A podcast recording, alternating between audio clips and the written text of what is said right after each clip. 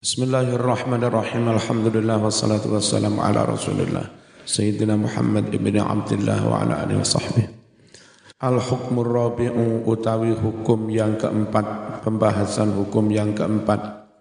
Hal yaqra'ul ma'mumu khalfal imam? Hal apakah yaqra'u wajib membaca Fatihah?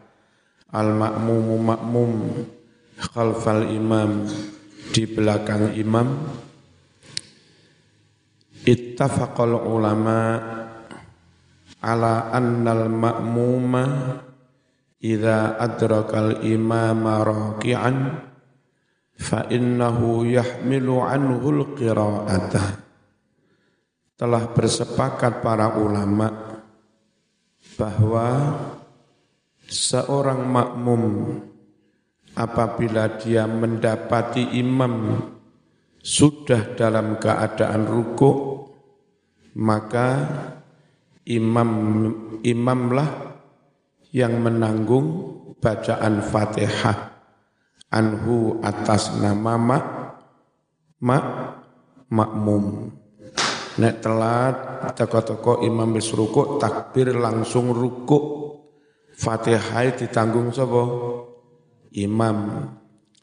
Li ijma'ihim ala suqutil qiraati anhu biruku'il imam karena ulama telah bersepakat gugurnya kewajiban membaca Fatihah dari si makmum itu biruku'il imam nemoni mendapati rukuknya i imam. Wa amma idza adrakahu qa'iman fahal yaqra'u khalfahu am takfihi qira'atul imam. Adapun apabila si makmum mendapati imam masih berdiri Allahu Akbar imam masih berdiri wajib baca Fatihah apa enggak? Apakah si makmum wajib membaca di belakang imam? Ataukah takfihi qiraatul imam? Sudah mencukupi bagi si makmum itu bacaannya si si imam. Ikhtalafal ulama'u fi dzalika ala aqwal Para ulama berbeda pendapat dalam hal itu. Ala akwalin ada banyak pendapat. Fa dhahaba syafi'i wa Ahmad berpendapat si Imam Syafi'i dan Imam Ahmad. Apa pendapatnya? Ila wujubi qiraatil fatihati khalfal imam berpendapat wajib makmum membaca Fatihah di belakang imam. Sawa'un kanatis salatu sirriyatan am jahriyatan. Sama saja apakah salatnya itu sirri atau jahri. Makmum zuhur asar makmum zuhur asar wajib membaca Fatihah. Makmum maghrib isya subuh meskipun sudah dengar bacaan imam si makmum ya tetap wajib membaca Fatihah. Ini madhabnya siapa? Syafi'i dan Hambali. Wa malikun ila anna salata idza kanat sirriyatan qara'a khalfal imam. Imam Malik berpendapat bahwa apabila sholat itu sirri berarti apa? Jamaah zuhur dan asar. Qara'al imam, qara'a khalfal imam. Maka si makmum wajib membaca Fatihah di belakang imam karena enggak dengar bacaan si imam. Wala yaqra'u fil jahriyah dan tidak usah membaca si makmum itu di dalam sholat jahriyah. Berarti apa? Maghrib isya, maghrib isya subuh, rokaat pertama dan rokaat kedua. Wadhahaba Abu Hanifah ila annahu la yaqra'u khalfal imam. Abu Hanifah berpendapat bahwa makmum tidak usah membaca Fatihah di belakang imam. La fi wala fil jahriyah. Tidak wajib membaca itu baik di dalam sholat sirriyah maupun di dalam sholat maupun di dalam sholat jahriyah. Pokoknya makmum enggak usah baca, bacaannya ditanggung imam. Istadalla syafi'iyatu wal hanabilatu bil hadithil mutaqaddim. Istadalla berdalil golongan madhab syafi'i dan hambali dengan hadis di atas. Apa hadis di atas? Salatmu enggak sah kalau enggak baca Fatihah. Wa hadis tersebut adalah qauluhu sabda Rasulullah sallallahu alaihi wasallam la salata liman lam yaqra bi Fatihatil kitab tidak ada salat sah bagi orang yang tidak membaca apa? Fatihah. Fa innal lafdha amun. Lafat hadis yang mengharuskan Fatihah ini sifatnya umum. Menyeluruh berlaku untuk semua. Cek imam, cek makmum, cek salat mun Farid semuanya lek enggak baca Fatihah tidak sah. Yasmalul imam wal makmum. Hadis itu lafadznya umum, mencakup imam dan juga mencakup makmum. Sawa'un kanatis salatu sirriyah au kurang au ya jahriyah. Baik sama saja sholat itu sirriyah atau jahriyah. Faman lam yakra bi fatihatil kitab lam tasihha salatuhu. Sehingga barang siapa tidak membaca Fatihah maka tidaklah sah salatuhu salatnya. Wastadallal imamu Malik Imam Malik berdalil ala an ala qiraatil Fatihati Oh ini mestinya ono kalimat ujub ya. Wastadallal Imam Malik ala wujubi qiraatil Fatihati idza kanatis salatu sirriyah. Imam Malik berdalil atas wajibnya membaca Fatihah apabila sholatnya sholat sirri dengan hadis yang tersebut di atas. Lah Imam Malik gimana? Nek sholatnya sirri makmum wajib baca. Nek sholatnya jahar makmum nggak usah baca. Kan ngono ta? Mana dalilnya? Hadis tadi la sholata liman lam yakra bi fatihatil kitab wa man'a minal qiraati khalfal imam Imam Malik melarang membaca Quran di belakang imam idza kanatis salatu jahriyah apabila salat itu jahriyah. Kenapa? Sebab makmum itu wajib mendengarkan bacaan Qur'annya i, imam. Liqaulihi karena firman Allah taala wa idza quri'al qur'anu fastami'u lahu wa ansitu la'allakum turhamun. Jika sedang dibacakan Al-Qur'an fastami'u lahu maka dengarkan olehmu lahu bacaan Al-Qur'an wa angsitu dan perhatikanlah bacaan Quran itu la'allakum turhamun agar kamu dirahmati.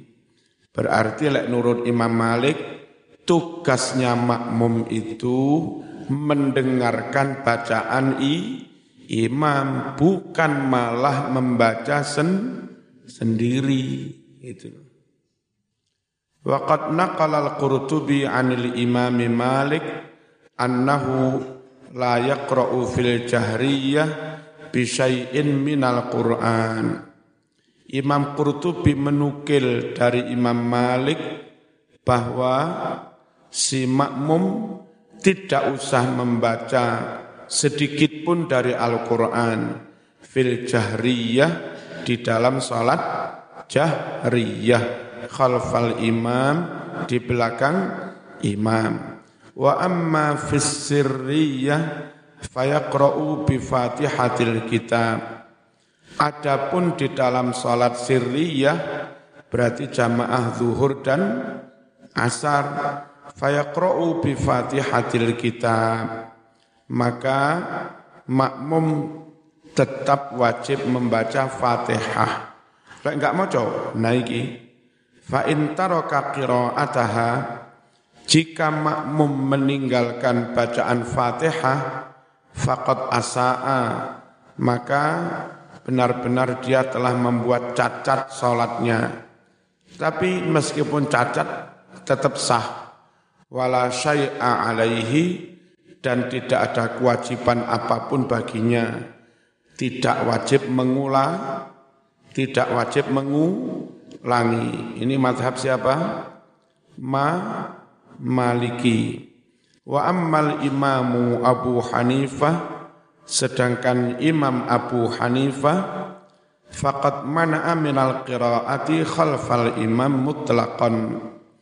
Dia melarang bacaan di belakang imam mutlakon secara mutlak amalan bil ayatil karimah karena mengamalkan ayat di atas. Mana? Wa idza quri'al qur'anu fas fastami'u wali hadisi dan karena ada hadis maka lahu imamun faqiraatul imam lahu qiraah. Barang siapa ada imam baginya berarti dia menjadi mak mak makmum barang siapa ada imam baginya maka bacaan imam itu juga menjadi bacaan bagi dia. Faqiraatul imam lahu lahu qiraah. Berarti makmum enggak wajib baca. Wastadalla Imam Abu Hanifah berdalil aidon juga bima dengan hadis ruya yang telah diriwayatkan anin Nabi sallallahu alaihi wasallam annahu qala bahwa Nabi bersabda innama ju'ilal imamu liyutamma bih. Sesungguhnya diangkatnya seorang imam itu untuk supaya diikuti lah gimana namanya ngikuti itu begini fa idza kabbara fakabbiru jika si imam itu membaca takbir, maka bertakbirlah kalian. Wa idza qara'a fa ansitu. Jika si imam membaca Quran, maka perhatikan, deng deng dengarkan. Nah, Imam Syafi'i menjawab, terlepas apa pun dalilmu, lawang semuanya itu tetap menganjurkan supaya makmum membaca uh, iftitah juga. Allah Akbar kabir alhamdulillah kita wajah tu wajah seterusnya. Nah kalau yang sunnah saja imam baca makmum juga membaca.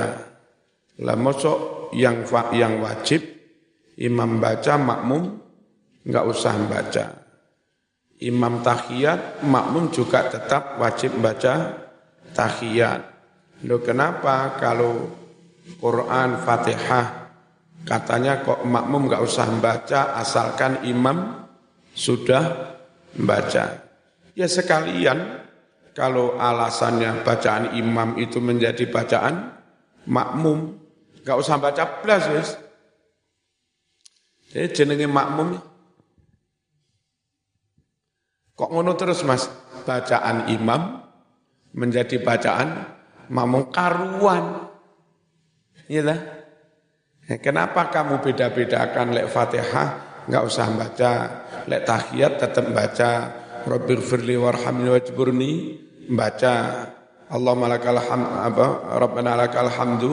Baca Subhana rabbil a'la baca Lek Fatihah enggak usah. Baca Itu karuan. Pokoknya mulai awal sampai akhir ya ngono Halo. Nah, jadi kita ingin tanya kepada mazhab yang lain itu seperti Mestinya kalau yang sunnah saja imam baca kau tetap baca. Seharusnya yang wajib itu le lebih dari itu. Paham? Perkara ada hadis bacaan imam jadi bacaan makmum, bisa-bisa berlakunya untuk makmum yang telat tadi. Ya, tahu-tahu datang imam rukuk takbir langsung ikut ruku lah itu nggak usah baca. Mulai iftitah nggak usah baca. Auzubillah nggak usah baca. Fatihah nggak usah baca. Wong datang imamnya sudah ru ruku bacaannya ditanggung imam. Hadis itu berlaku untuk itu. Nah kalau nggak telat yang baca. Meskipun meskipun, meskipun imamnya sudah baca itu ya kalau nggak telat Lawang itu tadi iftitah saja kau baca, mosok Fatihah tidak. Bagaimana wa idza quri'al Qur'an fas apa tadi? Fastami'u lahu wa ansitu la'allakum turhamun. Kalau zaman melihat asbabun nuzulnya itu, itu perintah mendengarkan eh, apa bacaan Quran ketika ada di khutbah.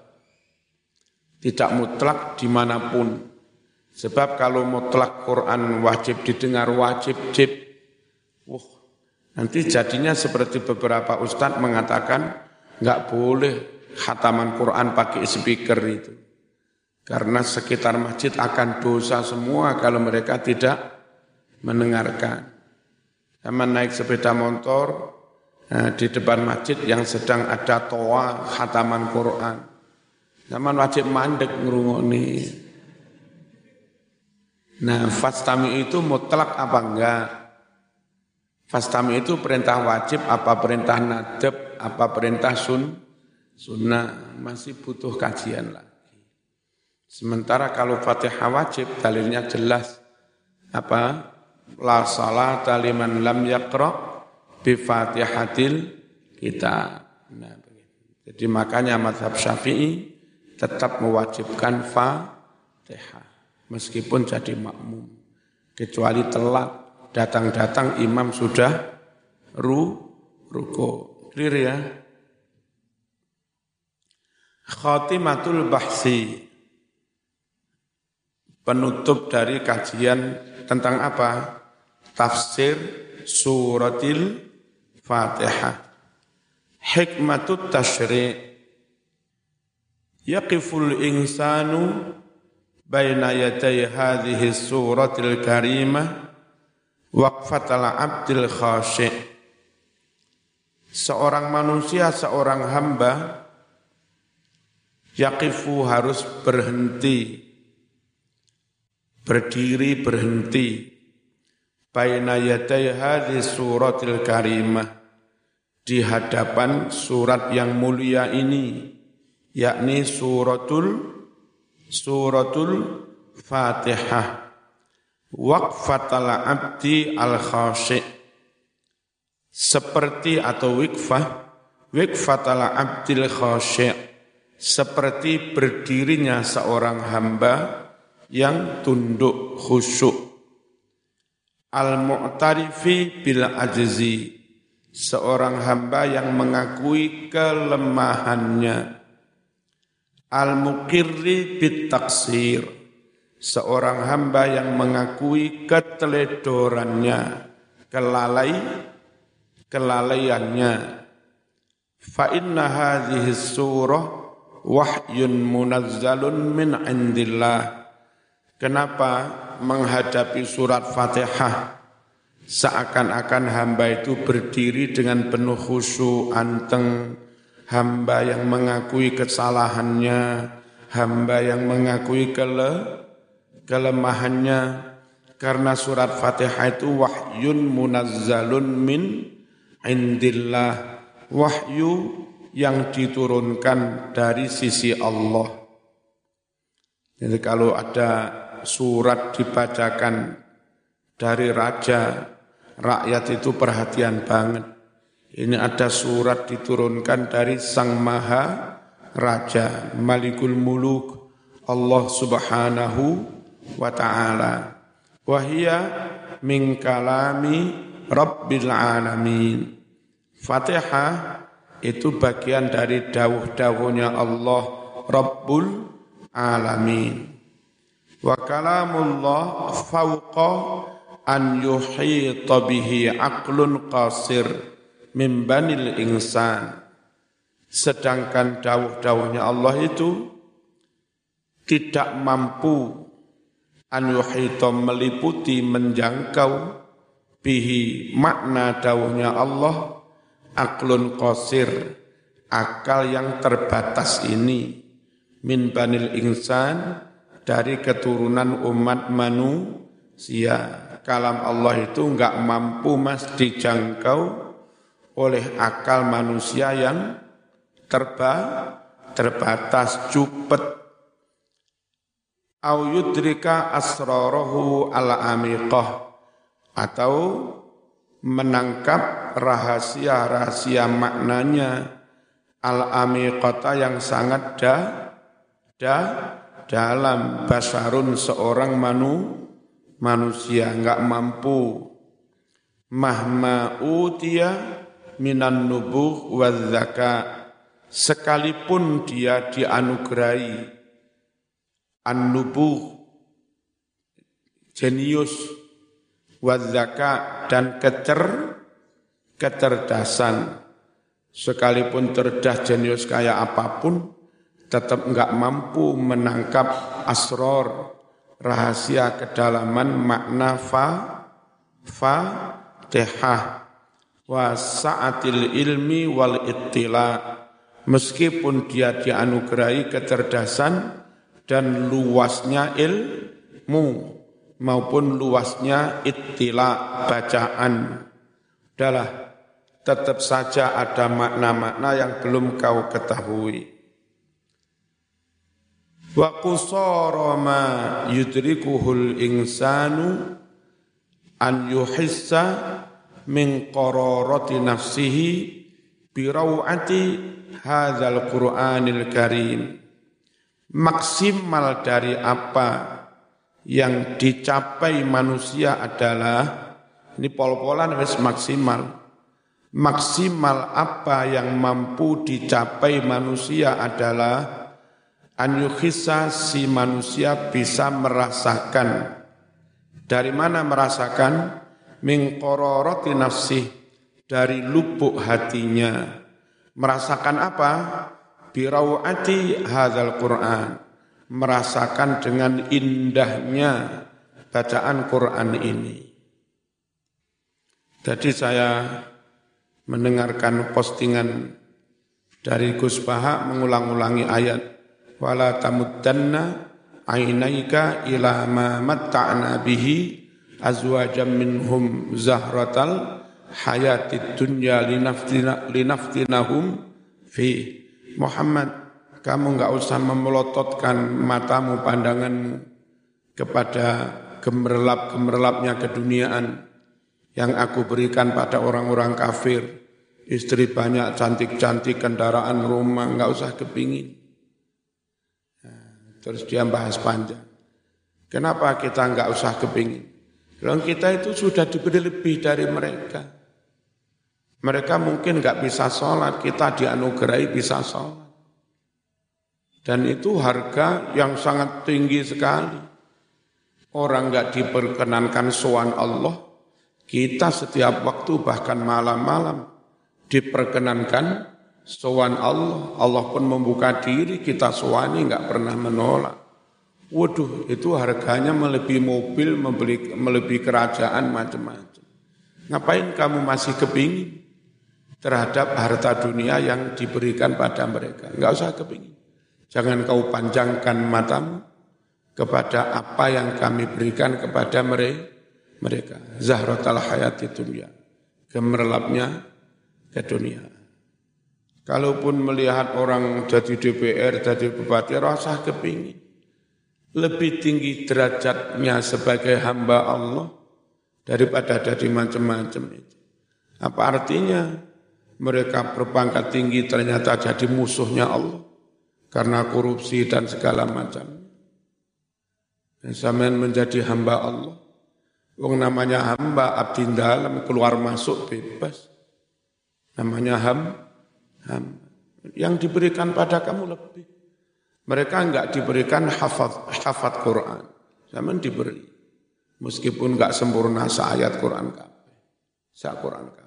Itu masih lebih dari segala-galanya. Santri yang kamu diberi apa nikmatnya ibadah, diberi ilmu, diberi Quran, diberi nahu sorob, diberi hadis, diberi zikir, diberi sholawat. Itu nilainya jauh dari apa, keduniaan yang diberikan pada mereka. Enggak usah kepingin. Nah, katanya Gus Bah, kalau ada tamu nggak mobil api-api, oh, gah nyawang. Nang mobil api-api, kelambini kilap-kilap, sepatunya kilap-kilap, gah nyawang. Apa? Khawatir, terus aku malih kepi, kepingin. Mari nolong soyong, aku tadi kiai, santri santri. Gak duwe mobil api. Malih orang mensyukuri nikmati Gusti Allah malih ngeremehne nikmat dininya.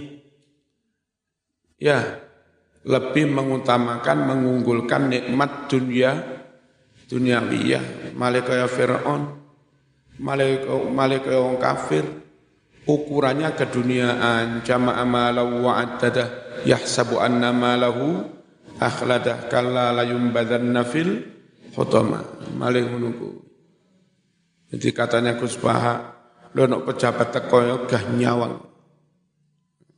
Khawatir engko nafsune kegodho malih kepi kepingin. Enggak usah kepingin yang diberikan pada kamu lebih daripada yang diberikan kepada mereka. Wala tamuddanna wala tamuddanna ainaika ila ma matta'na bihi azwajam minhum zahratal hayatid dunia linaftinahum fi. Terus soal diberi apa enggak? Kadang wong kepingin sampai melet-melet ngiler-ngiler ya enggak dituruti. Kadang wong ngerak kepingin ya malah dituruti. Ya, dunia ini lucu. Wong enggak ambisius malah diparingi, sing ambisius malah enggak diparingi. Zaman yang pondok ngaji wiritan, ngaji wiritan. Moro-moro diparingi bojo ayu. Sing gendaan ana arek ayu diuber ana arek ayu diuber ngono enggak payu-payu. Donya ya ngono ku. Ngubero ridhone Gusti. Apa? Nguber-nguber donya. Nek wayahe diperlokne lah ya diparing-paringi. Ini pol-polane dari apa yang mampu dipahami manusia, ditangkap manusia, yaitu si manusia itu merasakan dari lubuk hatinya yang paling dalam, merasakan apa? Indahnya Al-Quran. Masya Allah. Sumpek-sumpek diwoco ati adem. Nggak duit duit maca Quran ati yo adem. Wasumuwi ma'anihi dan betapa luhurnya makna-makna Al-Quran. Wajamali al-fadhihi dan merasakan betapa indahnya lafaz-lafaz Al-Quran. Wa an yas'ura bil ajzil kamil. Dan si manusia merasakan al-ajzil kamil, ketidakmampuan yang sempurna. Maksudnya merasakan benar-benar tidak mampu. Tidak mampu apa? An an ya'tiya bimisli ayatin min ayatihi mendatangkan satu ayat yang sepadan dengan ayat-ayat Allah. Kalau sudah membaca Quran merasakan indahnya, orang akan merasakan dirinya tidak mampu ngarang tulisan satu ayat saja yang indahnya menyamai Al-Quran. Apa mana ngarang sak surat, sak ayat era iso. Itu kalau gelem meresapi, merenungi, menghayati bacaan Al-Quran. Fadlan an misli hadzal kitabil aziz. Terlebih yang menyamai Al-Quran, wong ngarang sa ayat sing padha e ka iso. Apa maneh ngarang sak kitab padha karo Al-Quran ya tambah gendeng. Dan nyun sewu, sudah enggak sekali berkali-kali orang barat ingin merusak Islam, mereka mencetak orientalis. Orientalis itu orang barat, Kristen, Katolik, Yahudi, ingin mendalami is Islam. Untuk selanjutnya mereka menafsiri sembarang, tapi inginnya meru, merusak. Di mana digodoknya orientalis itu? Di Madrasah Babawiyah yang ada di Ita, Italia. Madrasah itu sudah 800-an tahun melahirkan ilmuwan-ilmuwan top ahli tafsir, ahli hadis, ahli usul fikih, tapi non non muslim. Dan beberapa zohirnya juga muslim tapi ngerusak. Nah, dari mereka telah apa alumninya antara lain Jeffrey Hemper, gurunya pendiri Wahabi, Muhammad bin Abdul Wahab. Jeffrey Hemper itu alumni Madrasah Babawiyah. Van der Plas, senuk guru-gurunya, banyak mas. Nah, kepinginnya mereka merusak Islam. Tapi setelah mendalami nggak sedikit akhirnya mereka malah masuk Islam. Quran dilawan. Jadi mereka sendiri yang Kristen beneran itu ketika akan diajak mendalami Quran ya was-was juga. Jangan-jangan menjadi tertarik dengan keindahan Quran. Nah setelah mendalami itu tadi nggak sedikit yang akhirnya masuk Islam ini merasakan rawatul Quran, merasakan sumuwi ma'anil Quran, merasakan jamali al-fadhil Quran. Itu sekolah apa? Semacam bagian dari sekolah kepasturan. Makanya namanya Babawiyah. Tuhan Allah Papa yang ada di surga, Papa. Papa itu kalau orang Arab menyebutnya Baba sekolah madrasah Kang Bongso Baba. Maka menyebutnya Babawi. Kalian browsing di internet itu ada. Browsing pengen golek apa, formulir pengen daftar. Mau ahli tafsir mau sembarang ada. Tapi ya dosennya non muslim. Hemen ketik pakai Arab ya madrasah Babawiyah zaman browsing. Tapi ada beberapa uh, situsnya sulit diakses. Kita ingin tahu siapa daftar nama-nama tokoh dunia yang alumni situ. Nah, kita ingin tahu kalau ada tokoh zohirnya muslim, tapi alumni situ patut dicurigai. Jangan diikuti organisasinya. Jangan diikuti gerakannya maupun madhab pemimpin pemikirannya. Ya. Gula zaman browsing yang pinter menghack itu siapa? Yang pintar menembus berlapis-lapis pagar itu. Bismillahirrahmanirrahim. Fa inna hadhihi surat al-karimata ala qisariha wa wajazatiha qad hawat ma'ani al-Qur'anil azim. Sungguh surat Fatihah yang mulia ini ala kisoriha meskipun pendek wa wajazatiha meskipun singkat qad hawat Fatihah mencakup memuat ma'ani Al-Qur'anil azim. Semua makna-makna Al-Qur'an yang agung. Jadi merangkum semua makna yang ada di dalam Quran. Itu apa? Suratul Fatihah. Wastamalat ala maqasidihil asasiyah bil ijmal.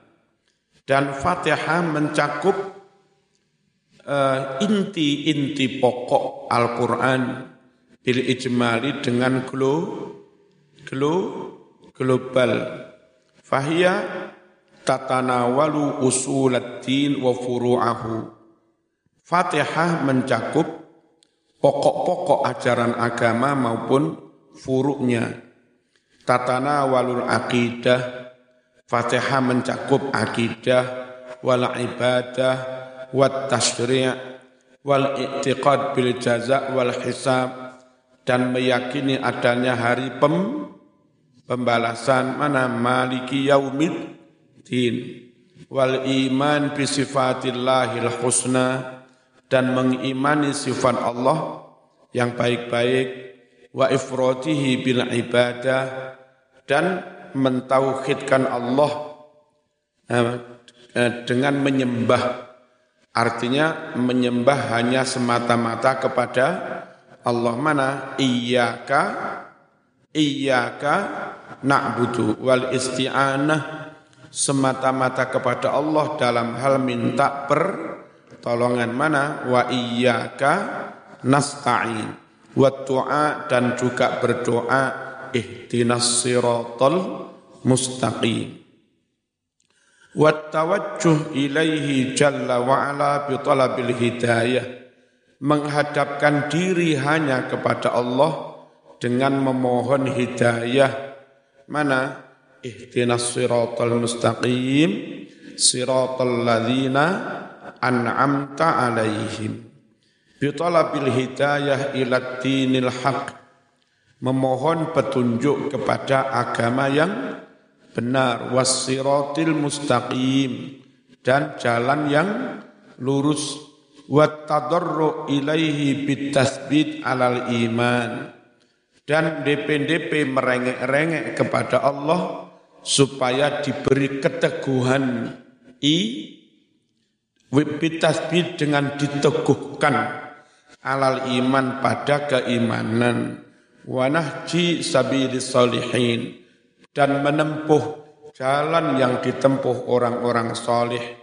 Siratal ladzina an'amta alaihim wa tajannubi tariqil maghdubi alaihim dan menjauhi jalan mereka-mereka yang dimurkai.